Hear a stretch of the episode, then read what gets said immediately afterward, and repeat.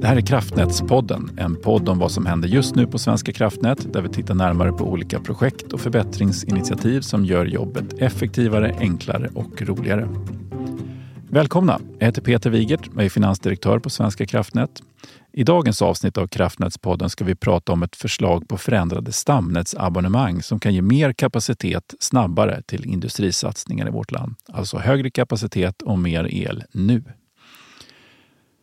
Elektrifieringen och energiomställningen ställer nya och stora krav, inte minst på den elintensiva industrin i regioner som övre Norrland och västra Götaland. För att möta den höjda efterfrågan på el och påskynda omställningen till förnyelsebar energi investerar Svenska kraftnät 32 miljarder kronor i stamnätet de närmaste tre åren. Men det behövs snabbare reformer på kort sikt här och nu.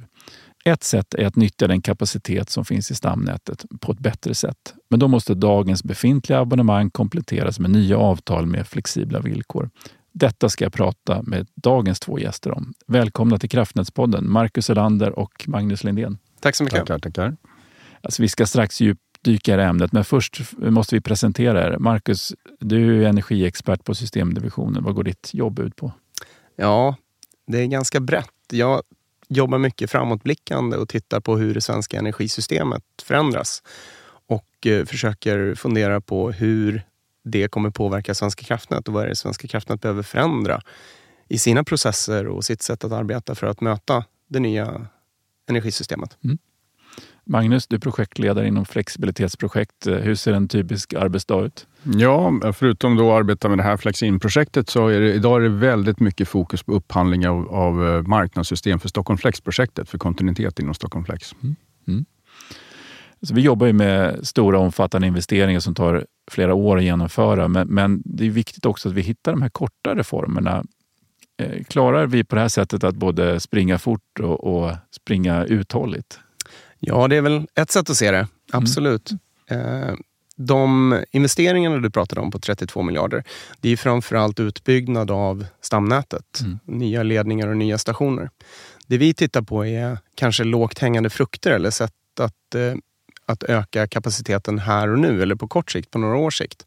Att vi utnyttjar nätet effektivare mm. och därmed kan leverera större kapacitet. På vilket sätt är det inte effektivt eh, hur nätet används idag? Då? Det är effektivt, men det är inte lika flexibelt som vi tror att det kan nyttjas i framtiden. Om vi ska introducera lyssnarna till problembilden. Det finns inte kapacitet på alla ställen i landet. Vi har de senaste åren sett en enorm ökning av antalet och storleken på anslutningsförfrågningarna till stamnätet. Det är otroligt stora industrier som vill ansluta framförallt i Norrland. Det är stålindustri, det är batteritillverkare och framförallt väldigt stora vätgastillverkare som vill ansluta. De vill ansluta produktionsenheter på en helt ny nivå som vi, som vi, än vi sett tidigare. På många hundra megawatt och i flera fall flera gigawatt. Mm. Och vad händer då när de kommer med sina förfrågningar? Det är stopp. Ja, idag är det ju stopp eftersom, eftersom lösningen idag är ju att bygga mer elnät och mm. det tar tid. Även mm. om mycket arbete görs för att förkorta den ja. tiden så tar det ändå väldigt lång tid.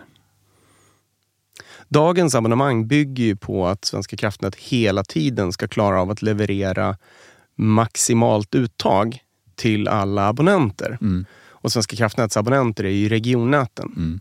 Så det, vi lovar alltid och ska leverera max i de här abonnemangen. Vi ska klara av att göra ja, det i alla ja. fall, ja. Är det, där, är det där vi börjar hitta lösningarna? Då? Ja. ja. Mm. Och Det är en skillnad här för oss på Svenska kraftnät. För vi, eh, vi tänker inte sammanlagring på samma sätt som man gör i lägre nätnivåer. Region och lokalnätet räknar ju iskallt med att inte alla använder energin samtidigt. Okej, det där är en viktig skillnad. Men vi, Svenska kraftnät, lovar ju att alla alltid ska kunna ta ut max. Mm. Mm. Och det är en, en parameter i det här. Mm. Och det är då det, vi börjar se någon, någon idé här i, det här flexibilitetsprojektet, hör jag. Ja, vi, vi började med att uh, vända på frågeställningen. Och istället för att titta på, som vi gör kanske idag, att vi tittar på hur mycket klarar vi av att alltid garantera att vi kan leverera? Mm. Vilket effektuttag klarar vi alltid av? Istället vända på frågan och, och, och ställa oss hur mycket klarar vi av att leverera och hur ofta? Det vill säga titta på en kurva över hur mycket vi klarar av att leverera olika timmar och olika perioder under ett år. Mm. Och då, vad kommer vi fram till då? Ja, vi, vi vet ju att eh, stora delar av industrin har en, en, en stor förmåga att planera sin produktion. Mm. Och de har också en flexibilitet i hur mycket de behöver ta ut. De behöver inte alltid ligga på max. Och om de då har en planeringsförmåga kanske det kan, det kan möta det, den planerade kapacitet vi har under olika perioder. Mm. Och då bör vi kunna ge större abonnemang under vissa perioder. Mm. Så att idag så, så om man försöker, försöker formulera om det du säger så, så har man alltså hela tiden stora marginaler i sina abonnemang. Eller ofta stora abonnemangsmarginaler. Väldigt ofta är det så. Ja. Och det är ju, de har ju det här för att eh, de vet, alltså någonting kan ju hända. En del industrier har egen produktion också. Mm. Och, men om den går ner så vill de ju inte behöva stänga processen och då har de abonnemang för att klara, klara en timme utan egen produktion. Mm, mm. Okej, okay, så då, då finns det i vissa fall marginal, om man kan planera. Berätta hur ni har tagit er an det här eh, problemet. Ja, vi har, eh, dels har vi jobbat väldigt mycket med interna resurser och, och kollegor och sen så har vi tagit hjälp av en, en konsultgrupp i Boden-Luleå-området med god lokalkännedom. Vi har haft en väldigt initierad dialog med region, regionnätsbolaget mm. Och en eh, kontinuerlig dialog med Energimarknadsinspektionen. För även de är ju en del någonstans i det här. Ja, berätta, hur kommer de in i det här?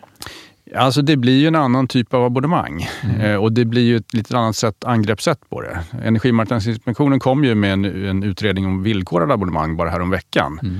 Och eh, approachen där, min tolkning av det är ju att villkorade abonnemang, det är ju i väntan på något annat. Mm. Och det här är också i väntan på, kan vi säga Ja, just nu är det här som är piloten, men mm. över tid så ser vi väl att det här kan vara ett sätt att få ett mycket effektivare utnyttjande av stamnätet. Mm. Mm. Även, eh, även på andra ställen, inte bara där det är, är väldigt trångt som i Norrland. Ja, absolut. Mm. För det här, nu pratar vi mest uttag, men vi har ju också en, en produktionssida som, som är variabel. Mm. Ja, men det vi har gjort i projektet då är att ja. vi har tittat på en av de här stora tryckpunkterna. Det är då uttaget från stamnätet i Norrbotten. Där finns det förfrågningar om anslutning av flera gigawatt industri.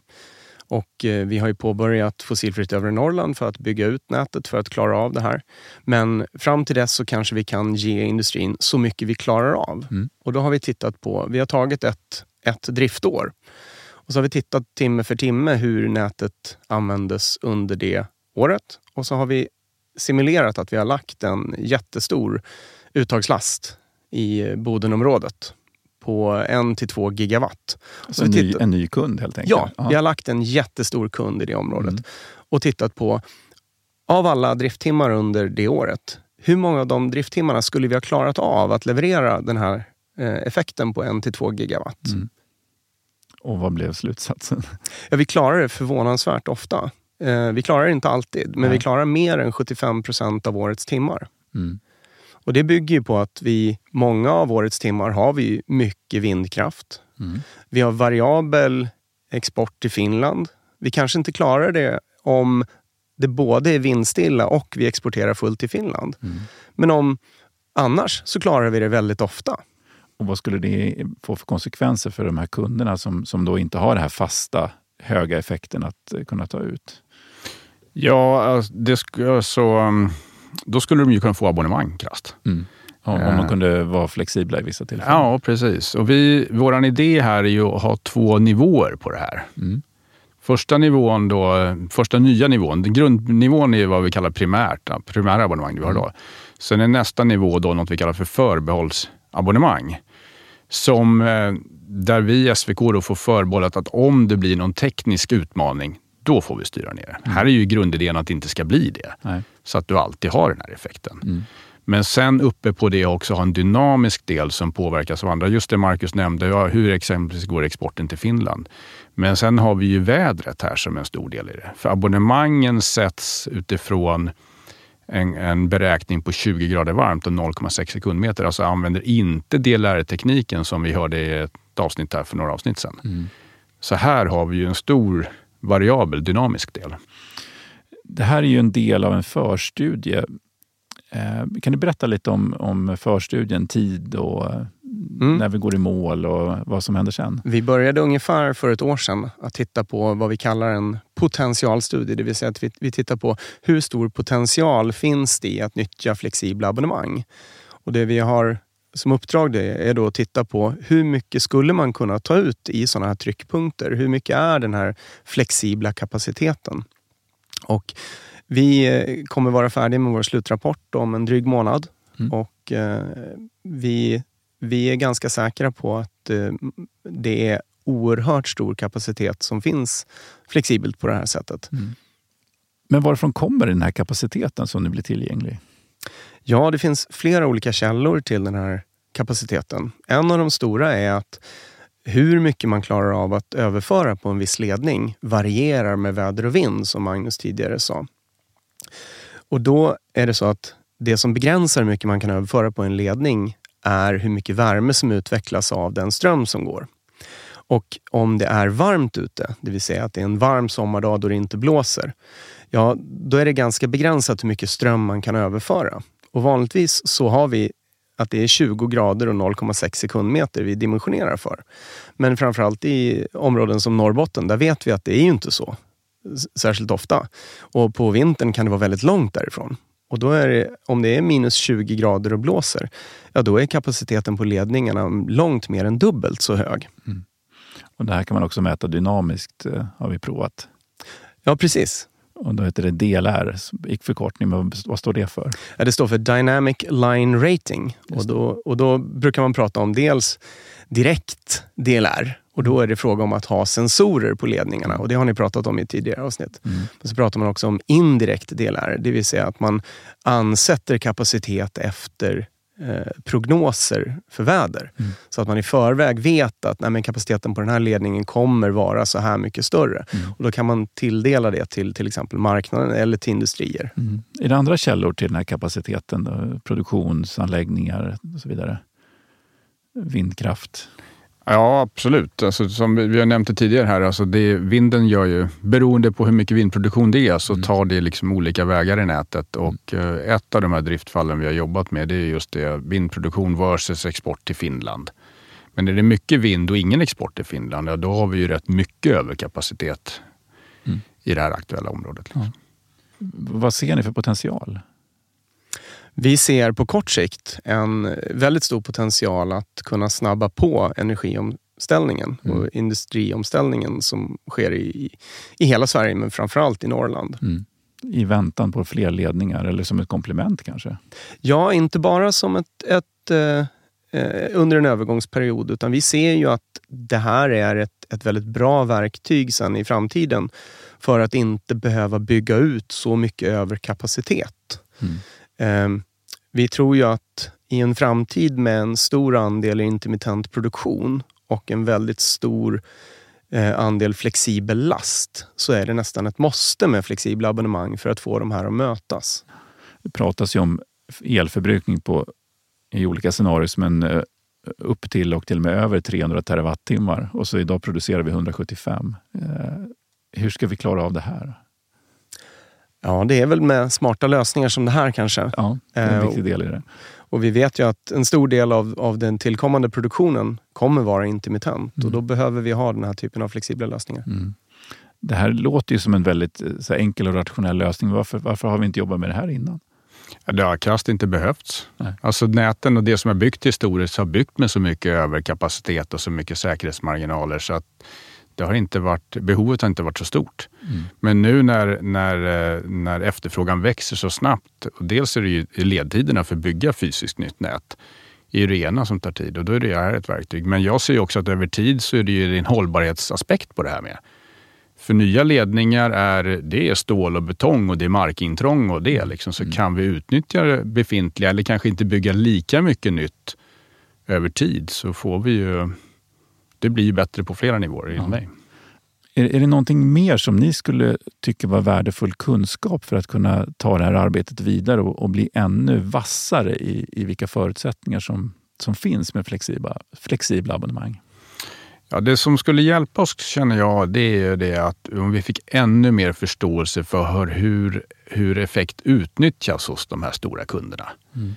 Alltså, idag, behöver alltså faktisk data? Alltså. Ja, krasst alltså, för idag är det ju ett tal på ett abonnemang. Mm. Och så, men hur många timmar utnyttjar man egentligen det och vad, hur, hur flexibel kan man bli? Och de här nya industrierna som byggs, där finns ju rimligen alla möjligheter att bygga in flexibilitet. Mm. Jag har väldigt stor respekt för att gå in i en befintlig process och börja vara flexibel. Det är kanske inte helt enkelt, men har man med så kan man få till den dialogen med de här nya. Det tror jag skulle, vad säger du Marcus? Det borde väl hjälpa oss? Absolut. Om vi får större förståelse för hur deras lastkurva ser ut och vilken framförhållning de behöver för att kunna vara flexibla och kunna bidra med, mm. med flexibla liksom, möjligheter. Då är mycket vunnet och då har vi möjlighet att smartare bygga abonnemangen och systemen. Ja, och kunna komma snabbare faktiskt till att fler får sin, sin el i, i nya industrier. Oh ja. Ja, mm. precis. Det är precis det det handlar om. Bra. Det tycker jag blev en bra avrundning i den här frågan om att uh, utveckla flexibla abonnemang. Uh, är det någonting mer som ni vill skicka med till lyssnarna i den här frågan? Alltså, från personligt mål så är, det ju, så är det ju fantastiskt att få vara med på den här resan. Mm. Alltså kan man, kan man bidra till till att få industrin på plats, arbetstillfällena på plats och dessutom med en hållbarhetsaspekt på det. Att mm. det går åt mindre mark och mindre betong och, och stål. Så, så det, är en, det är en jättekul resa att få vara med på. Marcus, är något som du vill trycka på? Ja, precis som Magnus tycker jag det är oerhört roligt att vara med och ha den här dialogen med de här mm. stora mm. industrierna. Mm. Och prata om hur de kan och ska bygga sina processer för att klara av en ny energiframtid. Mm. Så hoppas vi att det fortsatta arbetet löper på som planerat och att de här juridiska hindren och lite så praktiska hinder faktiskt kan övervinnas enkelt. Det är jag övertygad om att vi mm. klarar av. Bra. Vi ska summera här och då kan vi konstatera att energiomställningen och elektrifieringen pågår ju för fullt här och nu. Och eh, man noterar ju tydligt att vi behöver komplettera dagens väldigt stela abonnemang med flexibla avtal som snabbare kan möta kundernas behov i väntan på att stamnätet är fullt förstärkt och utbyggt och kanske även på sikt så kommer flexibla avtal vara ett viktigt verktyg för att omställningen ska kunna genomföras. Då säkrar vi helt enkelt laddstolpar, elbilar, batterifabriker, vätgasanläggningar och eh, grönt stål. Tack för att ni var med i Kraftnätspodden, Marcus Olander och Magnus Lindén. Tack så mycket. Tackar, tackar. Eh, men innan vi slutar, vi har en tradition. Vi utmanar med lite frågor. Eh, vi har ju pratat om vilka regionnät som, eh, som omfattas av den här piloten och där, där förbrukas mycket el. Men vilken bransch eller industri konsumerar mest el i Sverige?